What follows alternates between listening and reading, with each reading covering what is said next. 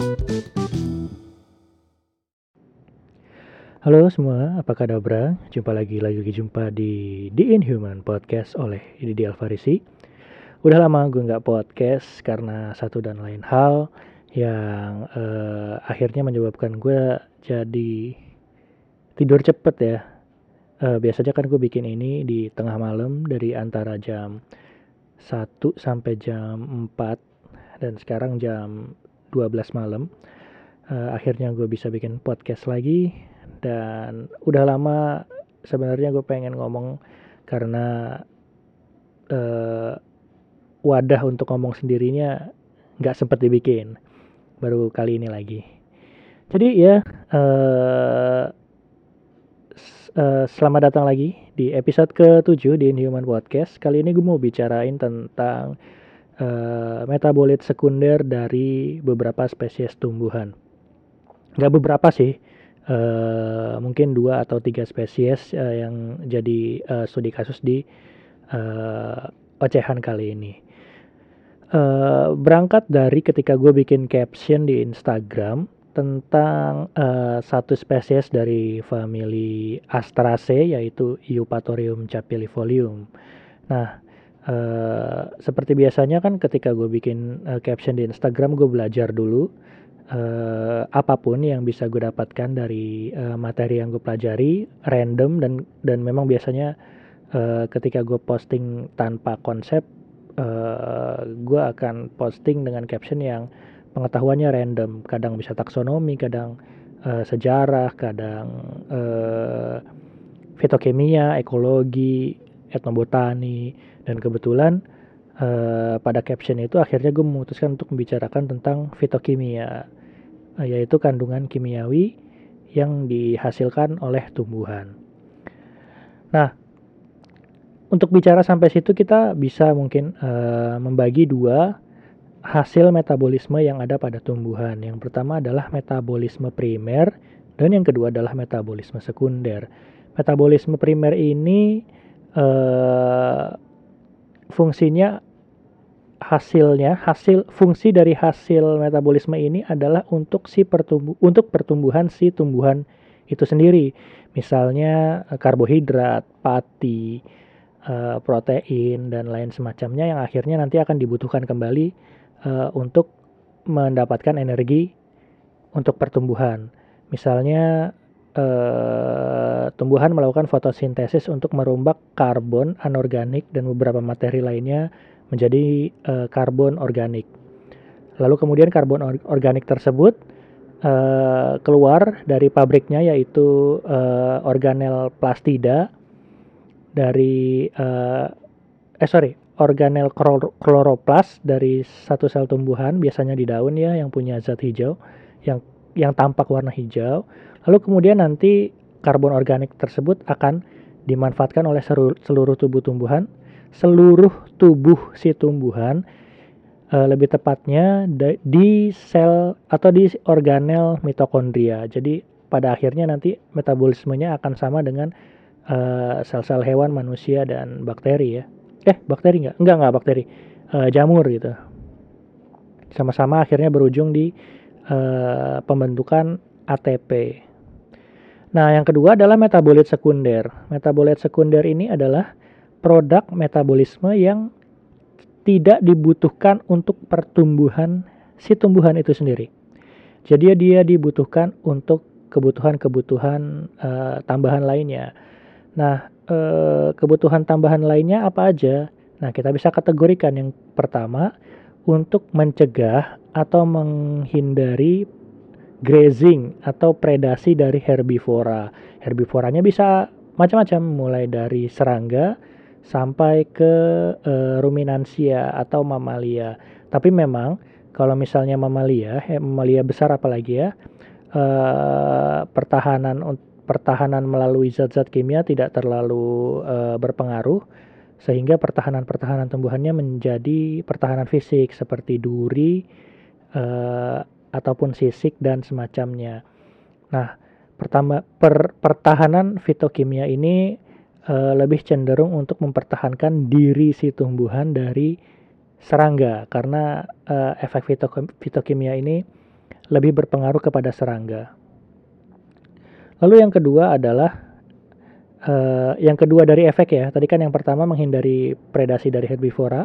Yang kedua adalah untuk uh, mengikat zat-zat uh, berbahaya atau logam berat dari lingkungan yang terserap ke tumbuhan untuk tidak terlibat dalam proses pertumbuhan yang dapat menyebabkan gagal tumbuh atau kematian. Sama seperti uh, sel manusia ketika dia menerima ketika sel manusia menerima materi yang bukan seharusnya seperti racun, logam berat, itu kan pada akhirnya akan menyebabkan uh, bisa kanker, tumor ataupun penyakit-penyakit lainnya yang berbahaya sehingga menyebabkan kematian. Begitu juga pada tumbuhan. Nah, metabolit sekunder inilah yang mengikat si logam berat atau racun-racun tadi untuk tidak terpakai dalam proses uh, metabolisme atau dalam proses pertumbuhan. Pengantar agak panjang ya. Oke, uh, jadi metabolisme sekunder yang dihasilkan ternyata fungsinya pada manusia dapat dimanfaatkan untuk banyak hal Eh, contohnya yang kita sering konsumsi setiap hari adalah teh dan kopi. Teh mengandung uh, apa ya? Teh mengandung zat apa ya? Uh, tanin mungkin atau zat-zat lain uh, termasuk kafein uh, di mana sebenarnya lebih banyak ada di kopi ya, ada di kopi. Nah, uh, itu adalah produk metabolit sekunder yang mana eh, sebagaimana fungsi awalnya tadi untuk mencegah predasi dari serangga atau dari herbivora. Metabolit sekunder lainnya apa aja? Eh, sebenarnya ada banyak, tapi gue akan menyebutkan beberapa yang gue inget. Yang pertama ada terpenoid, ada alkaloid, ada tanin, ada uh, flavonoid, ada fenolik, ada gliserid dan beberapa yang lainnya yang mungkin gue lupa. Uh, banyak tumbuhan mengandung metabolit sekunder ini dan bentuknya macam-macam. Tadi ada kafein yang ada di kopi, terus ada uh, apa tuh yang di rokok, tembakau nikotin nah, dari genus Nicotiana itu nikotin. Nah uniknya biasanya kandungan metabolit sekunder yang spesifik ini uh, ditemukan pertama kali pada genus atau spesies tertentu pada tumbuhan, lalu kemudian dinamai dengan nama genus atau uh, famili atau spesies tersebut. Seperti contohnya yang tadi ya, uh, nikotin dari genus Nicotiana, lalu kemudian kafein dari genus Coffea, kopi, kurkumin, kurkumin itu dari genus Curcuma, famili Zingiberaceae, uh, dan macam-macam. Uh, kalau di Nepenthes ada juga enzim, eh bukan enzim, protein dia. Nepentase. Enzim nepentase atau nepentesin kalau nggak salah. Nah, itu trivia aja. Tapi memang uh, poinnya adalah uh, zat-zat tertentu yang spesifik ditemukan pada suatu spe, uh, spesies atau genus tumbuhan akan dinamai dari uh, genus atau spesies tersebut. Nah, pada Astraceae uniknya AstraZeneca ini kan anggotanya banyak banget ya. Dia kedua terbesar anggotanya di dunia setelah anggrek. Di di dunia pada tahun 2009 AstraZeneca itu jumlahnya sekitar eh, 20 24 ribu kalau nggak salah. Lalu kemudian pada 2020 eh, kurang lebih datanya bertambah hingga 30 ribuan spesies, mungkin sampai 34 ribu pada tahun ini. Eh, nah dari jumlah yang banyak itu ternyata memang eh, banyak juga manfaat-manfaat fitokimia dari spesies ini dan eh, pada umumnya memang astrase menghasilkan minyak atsiri yang fungsinya akan banyak sekali dimanfaatkan oleh manusia. Contohnya minyak atsiri pada e, bunga matahari yang akhirnya bisa di e, bisa digunakan untuk memasak ya. Minyak atsiri ini uh, materi yang kompleks benar-benar kompleks uh, dari yang disebutin tadi ya metabolit sekundernya ada macam-macam dalam minyak atsiri ada terpenoid, ada alkaloid, ada flavonoid, ada tanin, ada ada apa lagi tadi? Uh, fenolik yang biasanya aromatik tuh dari fenolik atau flavonoid.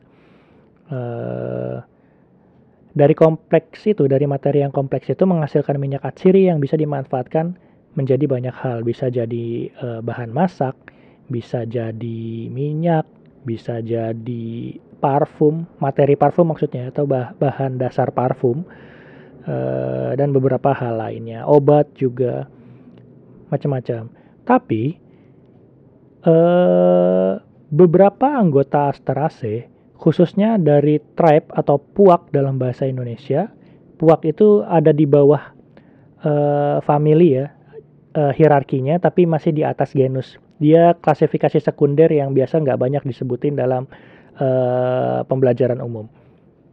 Jadi habis family akan ada subfamily. Kalau anggotanya masih banyak, dikelompokkan lagi hierarkinya menjadi puak. Lalu kemudian e, kalau masih banyak ada anak puak atau sub puak e, habis itu baru genus. Tapi kalau misalnya nggak perlu ya akan nggak ada untuk anggota-anggota yang jumlahnya kecil anggota famili yang jumlahnya kecil. Nah tapi di astrase ini karena jumlahnya banyak ada puak. Nah di puak ini ada kelompok-kelompok yang memiliki kandungan metabolit sekunder yang berbahaya apabila dikonsumsi yaitu dari uh, puak Senesione. Senesione ini uh, anggotanya uh, eh dari Senesione dan Eupatorie. Jadi ada dua puak uh, karena uh, spesies yang gue posting kemarin itu dari tribe Eupatorie. Itu mengandung alkaloid pyrrolizidin. Uh, suatu kandungan metabolit sekunder yang jika teraktivasi di dalam tubuh akan menyebabkan kegagalan uh, pembentukan sel darah sehingga uh, tidak mampu atau kurang mampu uh, menyerap oksigen atau nutrisi sehingga uh, ujungnya juga menyebabkan kerusakan pada uh, proses aliran darah yang penting salah duanya ada pada hati dan paru-paru. Jadi pada hati gejala umum yang akan dihasilkan pada akhirnya akan menjadi sirosis hati dan di paru akan apa ya kalau nggak salah kegag apa ya e, kegagalan difusi mungkin kegagalan difusi oksigen dan karbon dioksida dari dari alveolus dari gelembung parunya ke pembuluh kapiler. Nah itu e, sebenarnya dari studi yang gue baca, alkaloid pyrrolizidin ini mempunyai banyak struktur dan struktur yang ada pada tumbuhan si astrase ini uh, atau puaknya Senesione dan Eupatorie ini tidak berbahaya. Tapi kemudian ketika dikonsumsikan akan terjadi perubahan-perubahan struktur kimia bisa dari uh, paparan enzim-enzim dari pencernaan kita, bisa dari asam lambung, itu akan merubah uh, struktur kimia atau dapat merubah struktur kimia dari si alkaloid pyrrolizidin ini yang tadinya tidak aktif akan menjadi aktif sehingga akan terlibat dalam proses metabolisme tubuh. Nah, itulah yang berbahaya. Jadi, uh, memang uh, metabolit sekunder ini punya dua uh, mata yang uh, dua sisi yang uh, menja bisa menjadi mata mata pisau. Ada ada sisi yang baik-baik yang dapat dimanfaatkan dengan kadar tertentu atau dosis tertentu seperti kafein, kurkumin dan lain semacamnya. Lalu ada juga yang uh, dapat membahayakan seperti alkaloid pyrrolizidin tadi. Oke. Okay?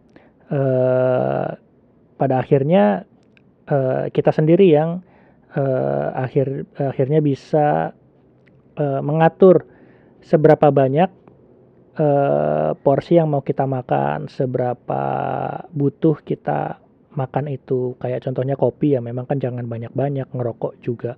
Sebenarnya kan nggak baik kalau misalnya dalam bentuk asap. Nah nanti ada kasus rokok lagi yang pernah gue omongin sebenarnya di YouTube, tapi ya mungkin akan gue omongin lagi di podcast.